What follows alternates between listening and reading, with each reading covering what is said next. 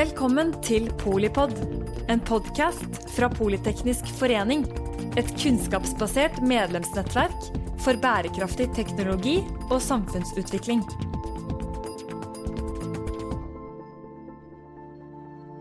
Da har jeg gleden av å ønske velkommen til, eh, til dette møtet i eh, Sett fra.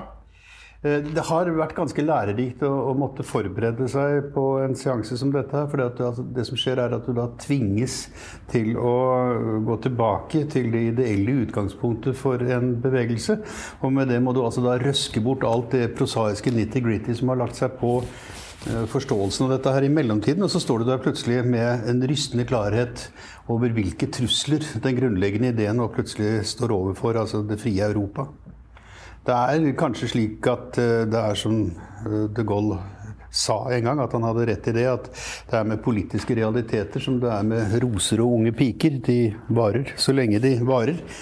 Men i hvert fall, Visegrad-landene, altså Tsjekkia, Slovakia, Ungarn og Polen, gikk sammen like etter Moskva-kommunismens sammenbrudd med en felles visjon om å styrke sin felles integrasjon i det demokratiske europeiske og transatlantiske samarbeidet.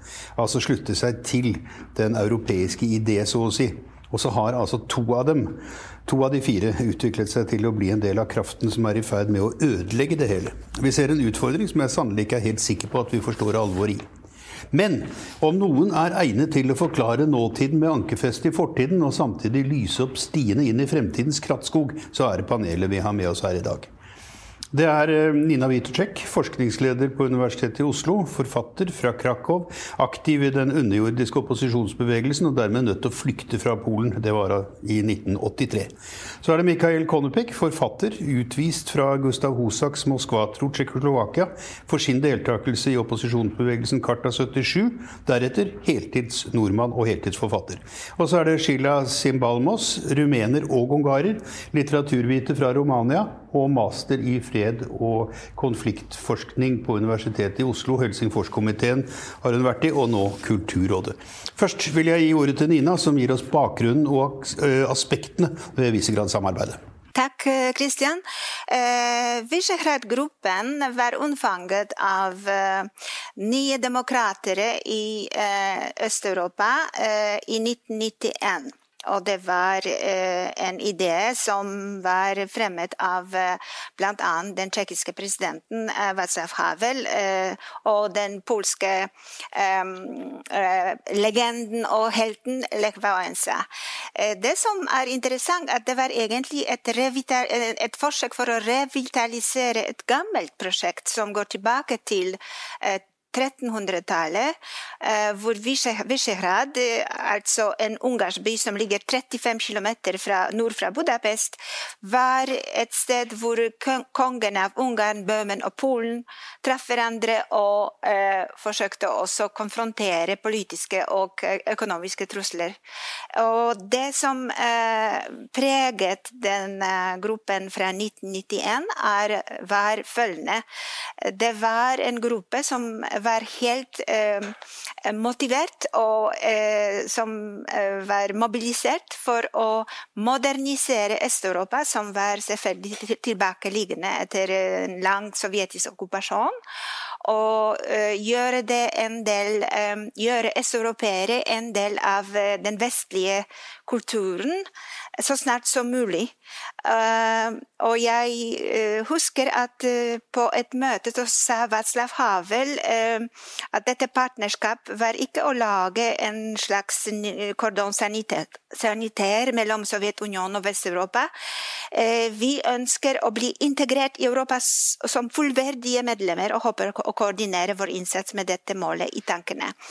Og Verden sett fra Visegrad mellom 1998, altså, altså eh, mellom eh, Solidarność-revolusjonen i Polen og tidlig eh, årene i 2000, var en veldig ustabil konstruksjon som var fremdeles preget av faren for en sovjetisk imperialistisk backlash.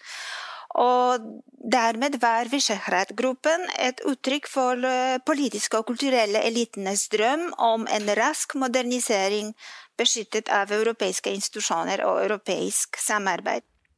Og jeg husker jeg snakket med Adam Michnik i 1998 Det var syv år etter Visegrad-gruppen har vært stiftet.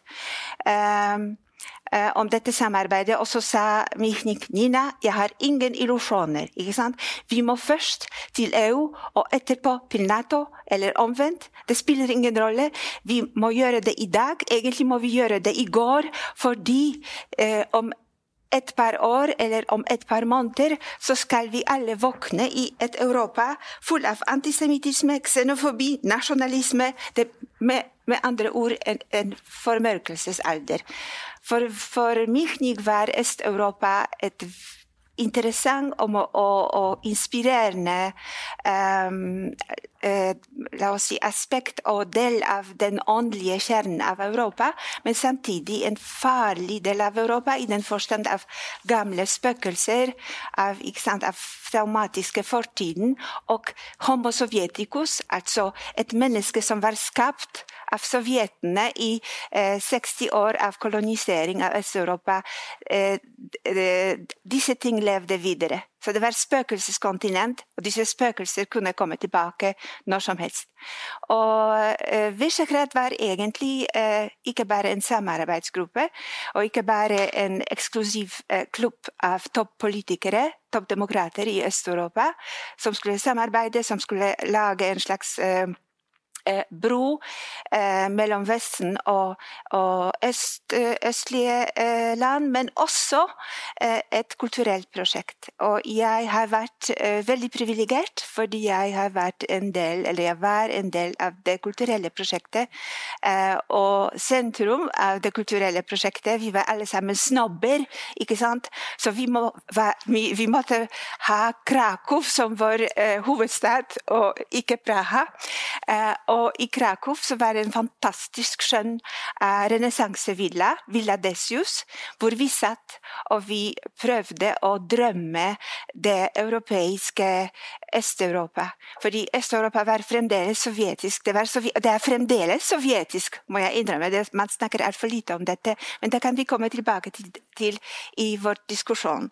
Så, så, det var egentlig mm, Foreløpig skal jeg bare si et par ord til angående den konstruksjonen som, som Visegrad var opprinnelig. Man sier at uh, disse opposisjonelle som Michnik og Havel og Konrad osv. de idealiserte Europa. Eller de hadde en slags villet De drevet med en villet idealisering av Vesten. Jeg er uenig med det. Eh, de, eh, først og fremst var de alle mennesker som opplevde eh, to totalitarismer. Både den røde totalitarisme og tidligere den brune totalitarisme. Og disse to totalitarismes bestialiteter. Og for dem var Europa en ganske skjør eller Vesten en ganske skjør konstruksjon som kunne falle i stykker når som helst. ikke sant? Så det var egentlig ikke så veldig mye idealisering av europeiske verdier, men kanskje tro på det at demokrati er ikke særlig perfekt, og Vesten postsovjetiske og post annen eh, eh, eh, verdenskrig-Vesten var ikke særlig fantastisk og plastisk, men det var det eneste som kunne gjøre oss til borgere i et, et, en sivilisert verden. Så det var egentlig deres visjon. så det var ingen illusjoner der. No illusions, gentlemen, so, som Churchill sa en gang. Geil, denne, denne, visjonen Nina kommer med helt på slutten her, om at uh, the founding fathers, eller grunnleggerne for dette, her så for seg at Europa var en ganske sårbar konstruksjon, og at det var om å gjøre å sementere den, at de ikke hadde illusjoner om det europeiske som sådan. De fikk jo rett, da.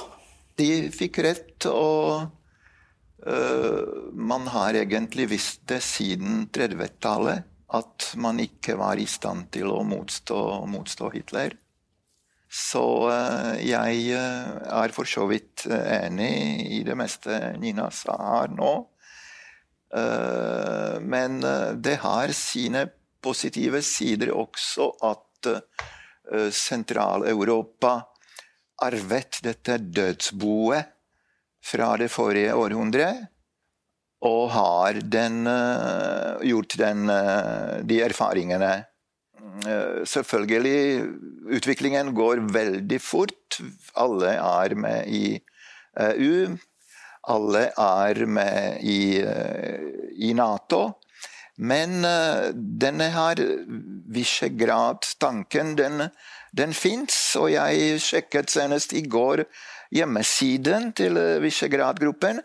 Og de driver med tilsynelatende ubetydelige saker og prosjekter. Men uh, det ser ut at de har blitt enige om ikke, ikke å krangle, og bare komme sammen når de kan gjøre noe, noe positivt. Og uh, så vidt jeg kunne se, så inviterer de også Østerrike og Tyskland å være med til disse møtene. Så det er det ene. Men Eh, selve Sentral-Europa. Dette har, det er jo alt i europeisk historie har jo skjedd der, egentlig. Det begynte med beleiringen av Wien i 1683. Hurtigtoget mellom Warszawa og, og Wien på 60-70-tallet het uh, Husker du hva det toget het? Jan Sobieski. Ikke sant? Det var jo den polske kongen som reddet Europa, bokstavelig talt. Pluss hele Habsburger-dynastiet. Som reddet Europa fra såkalte islamske horder. Ja, fra tyrkerne. Fra tyrkerne. I Norge sier man at eh, folk er mer, mer katolske enn paven. men i Sentral-Europa sier vi han er mer tyrker enn tyrkerne selv. Om, om, sånne folk, altså. som er. Så når uh, Nina, eller jeg, eller kanskje du også, du virker litt yngre uh, Når vi våkner hver morgen, så tenker vi å Berlinmuren er borte. Friheten er kommet. Sovjet er borte. Vi skal ikke tenke på denne krisen, dagens kriser som, eh, som, noe som skal vare lenge. Det, det er, Russland er noe annet. Mm. Russland er nesten halvparten av Europa, faktisk. Mm. Når man sier Sentral-Europa, så tenker vi rent geografisk, eller geopolitisk, eller kulturelt. Eller tenker vi de nasjonale mytologiene som disse land bygger, bygger på? når, når, man tenker hvem er polakker, hva er Polen? Polen har jo i, i, to lange perioder i europeisk historie var forsvunnet fra kartet. Eksisterte ikke, det Eksisterte ikke i det hele tatt. Og i dag så er jo Polen De har arvet Auschwitz og Warszawa-oppstanden og Katyn-massakren. Det er jo ballasten som vi lever med. Ja, Skilla, der, der, kommer du altså inn på dette som jo er ganske vesentlig, nemlig den nasjonale historiens betydning for selvforståelsen for dagens mennesker. Og Ungarerne er jo litt annerledes da, på en måte enn mye av dette her. Hvis de er litt annerledes alle sammen, på en måte. ja, de, um, de, de, liker å se på seg selv som helt annerledes. En liten enklave midt i Europa som egentlig ikke ikke hører til sånn språkmessig til noen av uh, landene uh, i, i, området og i nabolaget. Lider ikke av panslavismen? Nei, det, det, gjør det ikke. Men det, det er interessant. Det er inne. Uh, fordi Slovakia. I de, de siste, den siste tiden så har det vært en en bevegelse eh, blant en del i Ungarn som ønsker jo å se og se om det er noen andre røtter til det, det ungarske folket enn det som har vært vitenskapelig akseptert mm. eh, og bevist frem til nå. Eh, det har gått i den retning at man har sett og har kalt eh, tyrkerne for sine brødre. Det var jo bl.a. Eh, medlemmer av Jobbik-partiet. Eh, og det, det starta på en måte der en orientering østover, mer enn vest. Dette var tidlig 2010-ish. Så det, det, er en, det er en interessant fenomen med å prøve å redefinere seg selv eh, som en nasjon. Nå sier jeg ikke at eh, alle i Ungarn deler denne meningen, i det hele tatt. Men vi ser jo både fra regjeringens side i Ungarn at de ønsker på en måte å redefinere hvem er uh, ungarer, og hvem er innafor, og hvem står utenfor. Og det har de makten til å gjøre. Hvor langt, hvor langt, tilbake i tid går de da? Altså, Ungarerne kom jo opprinnelig fra de sentralasiatiske steppene. Jo, Mongolia, og sånt. De kom sist, i hvert fall. Ja, de gjorde det. 101 var det vel da de ble kristne. År 101 er jo et stort år, og um, Ishtvan og Kirai er jo et fantastisk symbol. Ja, de var jo ikke noe særlig begeistret. De kastet jo biskopen fra Roma som hadde kristnet dem ut fra fjelltoppen og styrtet ham i døden i Donau. Ja. det, var ikke noe særlig stas, det der? Nei, det, det kan man si. Det absolutt. Det var vanlig. Det var vanlig. Det, ja, det var de, Alle biskoper ble puttet rundt tønne. ikke sant, som man har snakket om. Men det var interessant. Det er litt sånn to ting som, som dere nevnte her. var at da, uh, du sa at jeg er litt for ung for å våkne på morgenen og tenke at ja, Berlinmuren har falt. Litt ja og nei. For, uh, for meg personlig er Berlinmuren også forbundet med fallen uh, av kommunismen i Romania, som var også utrolig sterkt. Uh, og jeg våkner jo med det at det er Jeg vet at det, er, at det har betydd kjempemye for rumenere, for ungarere i Romania, for så vidt. Og jeg ser litt også på hva du sa, Nina. Eh, da du hadde snakket med Adam Miknik og sa at hvis vi ikke gjør noe nå, så våkner vi eh, i morgen at Europa er fylt med xenofobi, nasjonalisme. Eh, og det virker på meg nå at når den euforien har lagt seg eh, Det har tatt noen år, men jeg ser at vi, vi våkner nå. Og vi ser at Europa begynner å bli fylt litt med nasjonalisme, xenofobi. Så det ble på en måte forskjøvet litt. Det ble blitt gjort veldig mye bra, men det virker sånn at pendelen begynner å snu litt. Og det gjør meg urolig, rett og slett. Det kan jeg stille jeg si. dere alle tre et åpent spørsmål? Har EU sviktet sin oppgave på den uh, ideologiske måten, holdt jeg på å si? Altså ble EU for lite av en visjon og for mye av en pragmatisk politisk organisasjon etter hvert? Slik at de visjonene som førte frem til Romatraktaten, på en måte faded away fra folks oppmerksomhet? Eh, min mening er eh, at det var egentlig omvendt.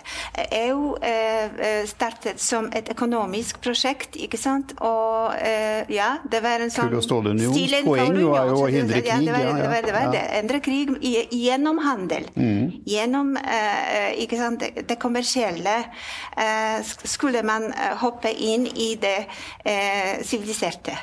Men det gjør man ikke sånt. Sånn skjer det ikke i verden. Man må ha et uh, kulturelt prosjekt.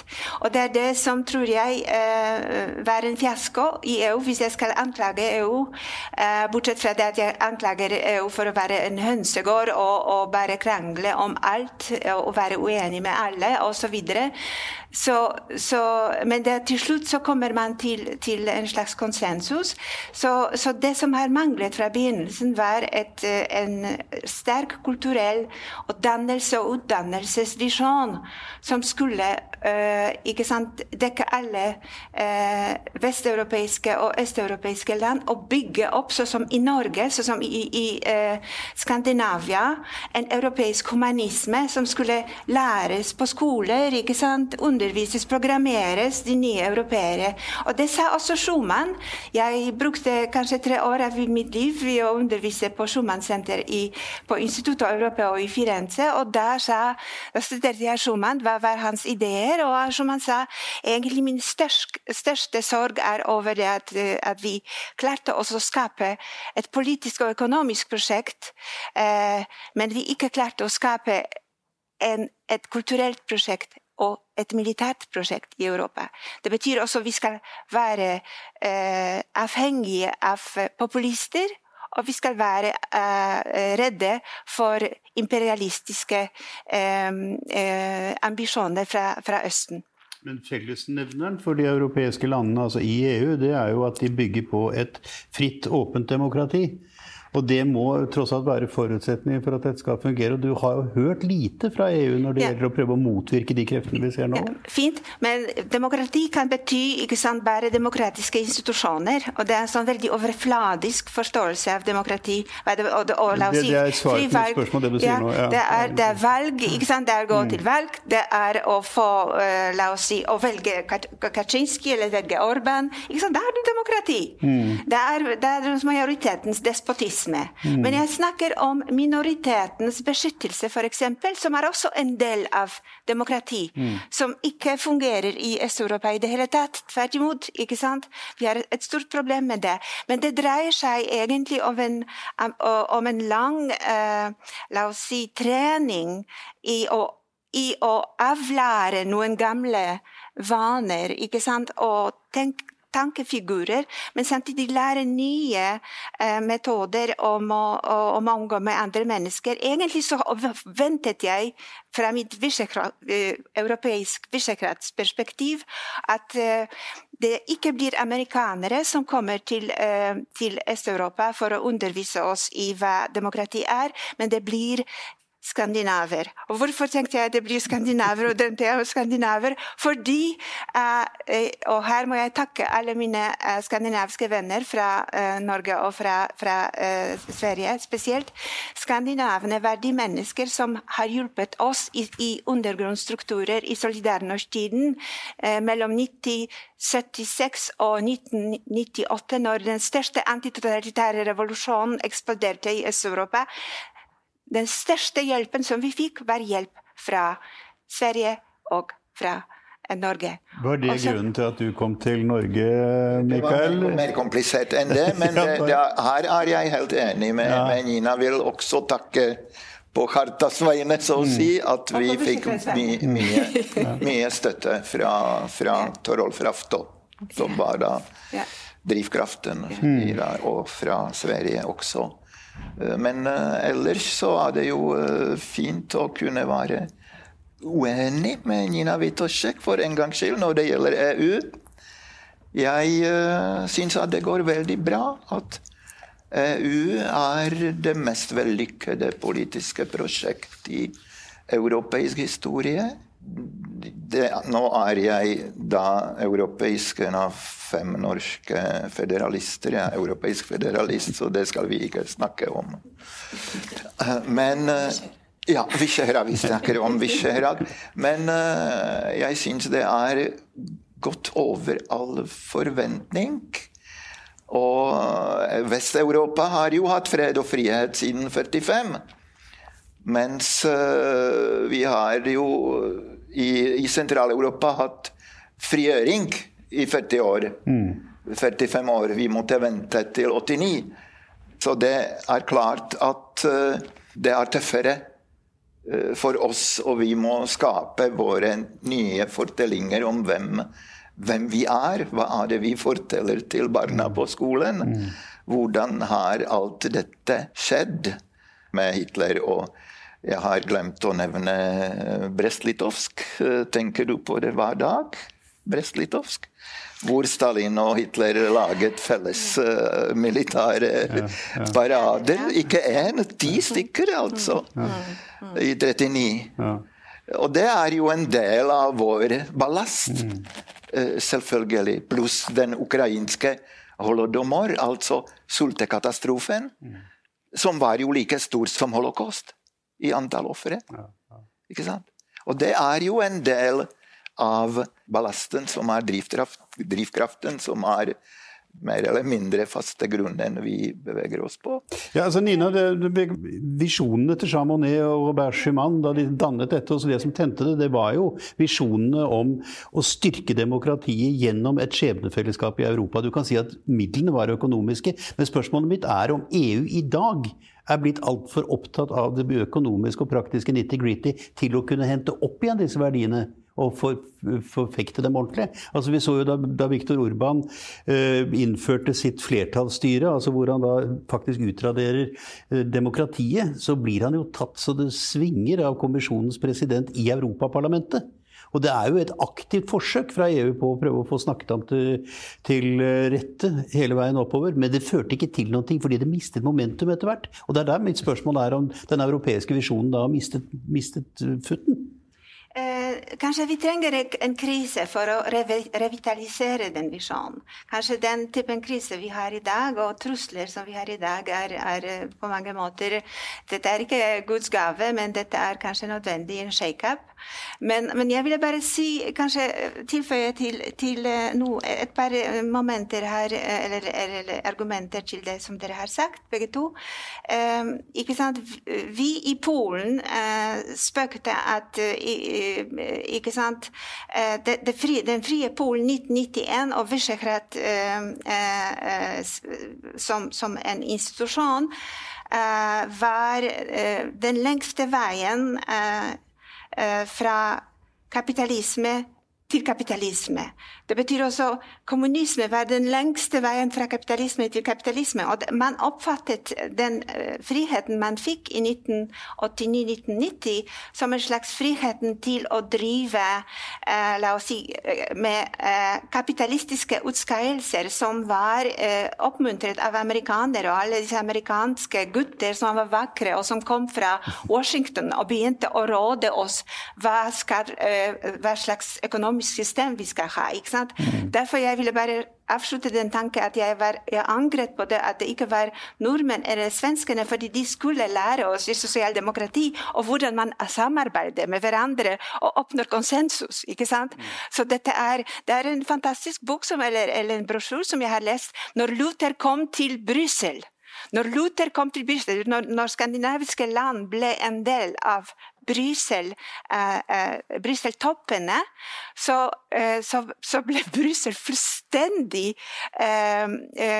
sjokkert og måtte gjennomgå gjennom en slags perestrojka eller revolusjon. fordi Eh, alle de verdiene som var neglisjert og glemt. ikke sant? Og civic mindedness og public mindedness og samfunnsansvar og alt dette var borte. Mm. ikke sant? Man trengte Finland og, og, og Danmark og, uh, for å komme inn og så, mm. og så sette ting på plass. Men, men, men, det er også interessant at, at Mm, men uh, den akselerering av modernisering var veldig mye assosiert med det neoliberale prosjektet.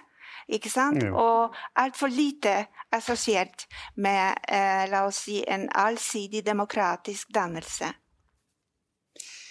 Eh, du ba om ordet, Silja. Ja. Bare legge til til, til det um, at i, inn i EU, da um, det er jo nettopp fordi det var jo skapt på økonomisk samarbeid, så mangler de mekanismer nettopp for å kunne få med, få med de mekanismene for å skape et kulturdannelse som, som, som fyrer opp og som styrker disse demokratiske verdiene. Mm. Så når de fikk inn de nye medlemslandene, og når de, noen av dem begynte å skeie litt ut, litt og litt og litt Det var jo det var ikke sånn at Ungarn gikk over natta over til noe helt annet. Men han gjorde det veldig eh, gradvis. Det er sånn salamiteknikken og taktikken, ikke sant. Én skive om gangen, og til slutt så er alt borte. Um, og da Lenge var EU maktesløs i forhold til hvilke mekanismer de skulle kunne bruke for å redde situasjonen på et eller annet vis. Og det mm. kom litt for sent. Vi hadde eh, aktiveringen av artikkel 7, som var jo atomknappen. men det, men var det nå tre år siden den ble aktivert? Tre år siden. Og det er fortsatt en prosess i gang. ikke sant? Det er ikke noe reell effekt for det.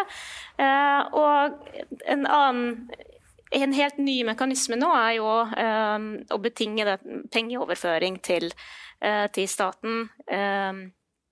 I forhold til disse verdiene som blir opprettholdt eller ikke, rettsstatsprinsippene eh, og demokratiske verdier. Eh, dette er også nytt, og det har tatt lang tid eh, for å få det på plass. Mm. Um, så ja, det har feila litt. Og grunnen til det er nettopp det med det som jeg nevnte litt tidligere.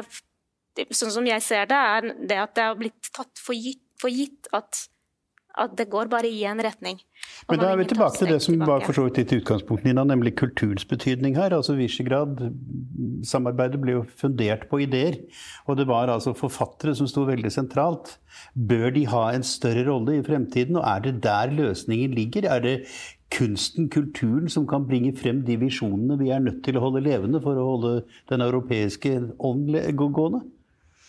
Det er jeg helt overbevist om at egentlig det som um, er interessant, og det som skjer eh, i dag, er at vi har, vi har dagens kri politiske krise som uh, vi tror er forårsaket av, uh, la oss si, uh, amerikansk kapitalisme, neoliberale verdier osv. Den er også forårsaket av det at intelligensia eller uh, eliter har sviktet, egentlig. Mm. Spesielt venstreeliter.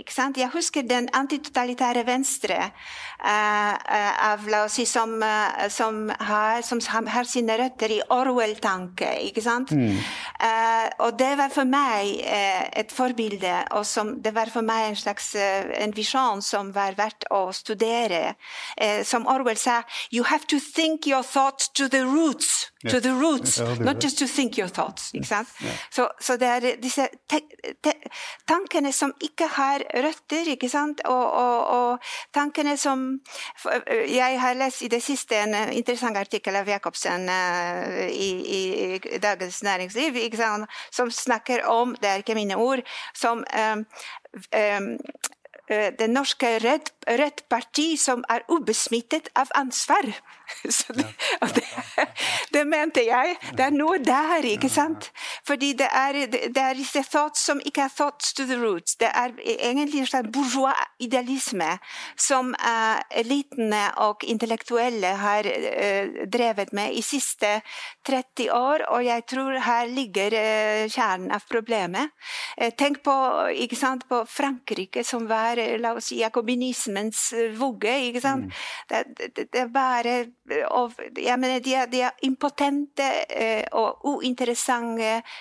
tenkere nå som, som, tillater populister å ta over. Mener, det går ikke an. Vi, mener, Hvor er disse sexy intellektuelle som Havel og Michnik osv.? Niki var en profet. Han kunne si allerede i 1991 det som skulle skje i Europa. Det var litt forsinket, men det var sovende tradisjon og, og arv som våknet når, når, når det, ble, det, ble, en krise. Så det var den typen av høy klasse, antitotalitære venstre, som jeg tror vi vi mangler, og, og, og også i, i, i, vår diskusjon om, om, krigen i Ukraina. Voltaire sa jo at hvis en idé først får slå rot, er den sterkere enn all verdens hærer. Men det er jo mulig han ikke tok i betraktning den hva skal vi kalle det, materialistiske hedonismen som er kommet til å legge et lokk over det moderne Europa, da, på en måte hvor altså ideene ikke får anledning til å slå rot simpelthen fordi de blir altså erstattet med noe nytt og en form for sånn eh, ja, du kan unne deg all den luksus du vil fordi du har fortjent det, tenkning, som vi jo har så vasket opp med. Eh, Mikael? Jo, jeg, jeg syns at eh, det problemet som kanskje kan løses, det er hvordan man forvalter denne, her, denne her ytringsfriheten. Denne, denne, dette ytringsrommet Altså, altså som allerede nevnt, eh, antivaksineaktivister kan stå og demonstrere foran Stortinget, men de er på mainstream-media i Tsjekkia og Slovakia.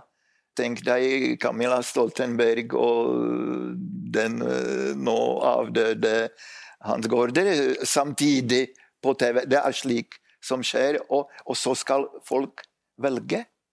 Folket stoler ikke på noen. Men hva kan, da, hva kan da uh, forfatterne, hva kan kulturbærerne gjøre i den situasjonen vi befinner oss i nå? De er maktesløse. Nina, er det det? Nei, vi er ikke maktesløse. Jeg mener det er, det er, litt viktig at vi uh, først og fremst er oppmerksomme på det at Visegrad er, for å komme tilbake til Visegrad, mm. var opprinnelig også et kulturelt prosjekt. Det betyr verdiladet prosjekt. Eh, det er det prosjektet som vi må komme tilbake til, det, nemlig eh, samarbeid på alle fronter ikke sant? Og gjøre Europa samarbeid også på den intellektuelle fronten mellom nasjoner, mellom europeere. Det har vi i sånne Erasmus-programmer og, og sommerskoler osv.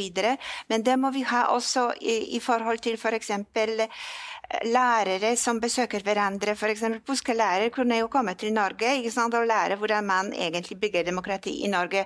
Dra tilbake til, mm. til, uh, til Polen eller til Ungarn eller til Tsjekkia. sånn gjør det, gjøres det i Norge, og sånn, sånn, gjøres det i Sverige. ikke sant? Og vi skal lære dere, vi skal diskutere den modellen nå. Og det er sånn den deprovinsialisering av Europa som vi trenger. Uh, og det, her har intellektuelle en ganske stor rolle å, å spille. Og de, de er, vi er alle sammen alt provinsielle i våre eh, la oss si, mm, visjoner av hva Europa dreier seg om. Det er den ene måten å løse problemet på. For hvem i Norge vet at det er fri stoler, eh, bevegelse i Polen? Det er en mektig, veldig eh, ansvarlig og utrolig eh, interessant bevegelse som, er, eh, som var stiftet av uavhengige jurister som trenger eh, eh, si, solidaritet i Europa. For det er de, de, som fungerer som en slags uavhengig utenriksdepartement i Polen. De skriver dementi til Washington Post når den polske regjering lyver. Mm. De eh, skriver klager til, eh, til europeisk, do, europeiske domstoler om uh, uh, vold på menneskerettigheter i, i, i, i Praha, i, i Budapest, i Warszawa. Mm. Og, og, og det det er de som trenger vår støtte. Vi trenger en ny solidaritet, rett og slett. Vi hadde det i 1980 og 1981. Jeg opplevde den veldig sterk. Altså, Silla, du skrev en kronikk i Aftenposten for et år siden, eller kanskje det var litt mer, om uh, hva du leser i norske aviser, hva du ser i den norske debatten om dette. Og det var ikke rare greiene, for å si det forsiktig. Det var agurktid opp og i mente, ikke sant? og det var altså overfladiske ting fra den ene dag til den andre. Men du fant ingen reflekser, så vidt jeg kunne lese ut fra den kronikken, av nettopp dette Nina snakker om nå. Nei, det var eh, Ja, den, den kronikken var jo litt sånn hjertesukk fra min side når jeg satt og fulgte på lange protester som hadde gått over 15 uker i Slovenia. Um, fem uker i Bulgaria, diskriminering av LHBT-minoriteter i Romania. kom, Disse utfordringene var jo perler på snor i en rekke europeiske land, og man fant jo ingenting mm. om de eh, i, i, mediene her. Eh, og det var, det, ja, det, det var veldig trist. Bare litt tilbake til det forrige spørsmålet um, om hva er det kunstnerne uh, og kulturlivet kan gjøre med dette. Um, og jeg, jeg, tror heller ikke at de er maktesløse. Uh, og det har vi sett da, litt i samme linje som det, du nevnte i, i Polen. Uh, universitetet for uh, film og teater i um, Ungarn, SFE, mm. det, er også, det har heller ikke vært veldig mye i mediene her. Altså, regjeringen rett og slett har bestemt at alle universiteter skal, uh, offentlige universiteter skal overtas av private stiftelser. Uh, disse stiftelsene skulle ha full bestemmelsesrett over hvem som sitter i styret. Uh, så de blir jo rett og slett politisk styrt, fordi stiftelsene er jo regjeringsvennlige osv. Dette universitetet har motsatt seg. De Professorene var helt uenige med, med, de nye retningslinjene. Studentene har okkupert Eh, bygningen, og de har vært der i flere uker og protesterte. Og de har fått veldig mye støtte av befolkningen. Dette var midt i pandemien. De holdt ut. Eh, folk kom med matpakker, og de kom eh, småbedrifter. De kom med lunsj til dem og støtta dem. Det har skapt nå en liten bevegelse i, i, dette, i denne sektoren i Ungarn, som er veldig viktig. Og Universitetet nå får ikke muligheten til å fortsette, kan ikke undervise, men de har etablert en uh, organisasjon som heter SFE, og for å snakke om den solidariteten som som bør skapes mellom land, så har andre universiteter eh, fra om jeg ikke tar feil, er det Berlin og eh, Wien, tror jeg, som har erklært, som har sagt at de som fortsatt går på undervisning under denne lille organisasjonen, skal kunne komme og ta eksamen eh, der for å få anerkjent Altså en akademisk solidaritet ja. på en måte, ja. Og det er, det er viktig. Så de er ikke maktesløse. Det er et interessant poeng. Nina, Men man må vite om det, ikke sant? Jo. Vi må høre om disse eksemplene. Ja, Nina, altså dette, det hun sier om denne, dette med at folk kommer med mat og blomster, det ligner jo litt på situasjonen rundt Lenin-verftet i Lekvalesos dager? det der? Absolutt. Du var der, og du opplevde det. Ja, ja, ja. det, var, det var iallfall en slags eh, politisk karneval. Men for å, for å gå tilbake til Visegrad-perspektiv og, og, og kulturens rolle jeg må innrømme at jeg eh, opplever f.eks. den nåværende russisk trussel i Ukraina eh, gjennom mine Visegrad-briller, eller kulturelle briller. Fordi eh, Putins situasjon av Ukraina er skremmende for meg, ikke fordi den fører til unødvendig europeisk krig, eller ikke fordi Nato gjorde det og det, og, eller ikke, ikke, på, ikke på grunn av disse politiske aktører som kynisk spiller sitt spill. Eh, den, den, er skremmende fordi um, vi snakker altfor lite hvor um, desiviliserende var den russiske imperialisme for hele Øst-Europa, for det europeiske kontinentet. Ja, Du brukte ordet at du sier at disse landene stadig er sovjetiske. Det er, det er bare, ikke bare desiviliserende, men russere ikke sant? Uansett hvor de er, om de er i Donetsk, om de er i Krim, om de er i, i, i, i Baltikum, det spiller ingen rolle. Det er alltid det skjer alltid noen sånn demoraliserende prosess nesten med en gang. ikke sant? Man, man hopper inn i disse, disse land. Så det er, det er en slags eh, eh, regresjonsmakt. Eh, og man kan si ok, amerikanere er ikke mye bedre. ikke sant? Men all right, la oss sammenligne køer for amerikanske visa i El Salvador eller Guatemala. ikke sant? Og disse exotus marsjer fra, fra Latin-Amerika til, til den uh, meksikansk-amerikanske grensen. Hvem eh, står i køer for å få russisk visa til, til, til postsovjetiske mm. land? Så det er på tross av amerikanske imperiale utskeielser så ser vi i dag eh, ikke sant, noe som, er, eh, som gjør at jeg blir redd for den eh, la oss si for den skjøre og sårbare Europa, som du sa, Christian. Fordi den desiviliserende makten er der. Den demoraliserende makten ikke, sover ikke, tvert imot, den har våknet. Eh, og mitt inntrykk er at eh, hvis vi lar den makten eh, vinne la oss si, og kolonisere en del av Ukraina, et land som vil være europeisk, og det er ingen norske protester mot det. Eller iallfall ikke noen sånn betydelige protester. Så, så, har vi igjen eh, en, en koloni, eh, sovjet, eh, russisk koloni, som man assosierer med, la meg si det, med null tillit til staten og statlige institusjoner, oppfatning av politikere som horer eller vampyrer. ikke sant? Regjering betraktet som en bordello. Et evig offerkompleks ikke sant, som stammer fra alle traumer har. Et polarisert, svært polarisert samfunn, et svært polarisert Europa, et svært krakilsk Europa. Eh, nepotisme, massekorrupsjon, politisk passivitet og fremmedfrykt. Og dette er triumf for Putin. Det er de verdiene som jeg assosierer med den sovjetiske okkupasjonen i Polen, de er ikke døde. La meg forsikre deg. Dette er jo litterære betegnelser, altså politikere som vampyrer og horer og greier sånn sier, man, som sier man i Polen. Sånn man, sier man i Polen. Det er ikke min betegnelse. Nei, på, alle politikere er jo vampyrer. ikke sant? De er etter vår blod. ikke sant? Og alle, alle, alle horer. Eh, hva er uh, regjering? Det er bare bordello. Ja. mener, ingen, det er ingen respekt for politikere, ingen respekt for, for, for regjering. Det er mulig altså, at dette er noe av poenget. Den, den litterære bruk av begreper begreper som da ikke nødvendigvis til daglig forekommer i politisk terminologi. det. Mikael? Eh, det, det fins uh, mer da, saklige begreper som stormannsgalskap, oh, yeah. mindreverdighetskompleks yeah. og paranoia. Yeah. Det er det som, eh, som passer fint. Men la oss for all del ikke glemme at Ukraina og Russland og Hviterussland, det er Europa. Det er Europa. Det mener jeg. Det mener ja. jeg. Og, derfor, derfor... og, og, og der, hvordan, hvordan, skal vi svikte nå dem, liksom? Hmm. Hva er det mest, det smarteste, den smarteste måten å svikte dem? Ukrainere.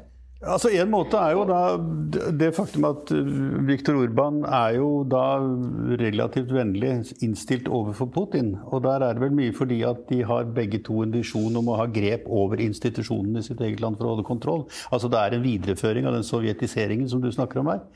Dette må da være et problem for Visegrad-samarbeidet? At, at, du har en såpass ja, det er det. Og det er muligens et av de store eh, sakene som de ikke snakker om, i hvert fall offentlig, og ikke på den fine hjemmesiden til Visegrad-gruppen. Nei, det er det. Fordi det er jo Der, der er de dypt uenige med Polen. Først og fremst. Mm. Eh, absolutt. Og det Totalt forskjellige forestillinger om uh, det, er, det er mange ting som forener Polen og Ungarn, men på dette punktet så er de helt i motsatt hjørne. Ja, er, Orban er mye mer i sengen med Putin enn en Kaczynski, mm. for å si det veldig eh, sånn For å holde seg til den gamle, gamle terminologien. Ja, ja. Men altså, det, det, spørsmålet er jo, vi må jo på en måte da kaste blikket fremover. Altså, hva kan skje? Er opposisjonen, i særlig Polen og, og Ungarn, slik innrettet at den er mottagelig for de argumentene som vi sitter og snakker om i et litterært perspektiv nå, mer eller mindre. da. Altså, Vil det være mulig å få reist en opposisjon sterk nok til at han får med seg en opinion som på demokratisk vis kan feie disse kreftene til side? Jeg vet ikke hvem av dere som øyeblikkelig vil kaste seg inn i dette. her. Jeg skulle bare minne om uh, hva som står i Den gode, den gode soldaten Sveik om uh, ungarere. De er selv skyldige i å være ungarere. ja. Mitt inntrykk er at, eh, som vi sier i Polen, situasjonen er håpløs, men ikke alvorlig. Uh, og dette er en slags Dette er ikke alvorlig i den forstand at uh, folk har mye makt. Vi husker alle sammen det fantastiske essayet av din landsmann. Mm -hmm. De maktesløses makt. makt. Ja. Det Power of the powerless. Mm. Jeg ville minne om det essayet. ikke sant? Fordi det essayet fanger substansen av vår, eh, vår eh, maktløshet, som dreier seg om villet passivitet. Mm. ikke sant? Og villet sånn complicity med, med eh, den demoraliserende makten, rett og slett. ikke sant? Så lenge som vi er eh, Som vi ikke eh, lager en konsept organisert av uh, organisasjoner, både ungarske, polske, tsjekkiske og europeiske. En konsert hvor alle spiller sammen, og eliter spiller en ganske mer uh, fremtredende rolle enn opp til nå. Så, så har vi eh, situasjonen som er håpløs. Det, men det er et potensial i Visegrad-samarbeidet for og dette. Det ligger en energi, potensiell energi der som ja. Okay.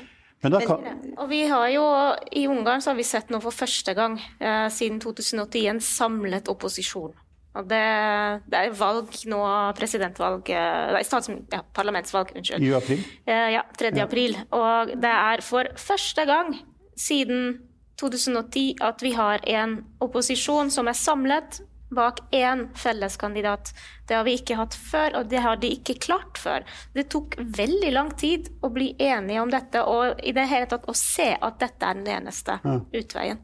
Det kan skje i Polen også neste det skje, år? Det kan absolutt skje i Polen, men det behøver ikke å skje. Jeg bare ville kanskje avslutte disse betraktningene med, med, med, med å gå tilbake til, uh, til, Havels essay.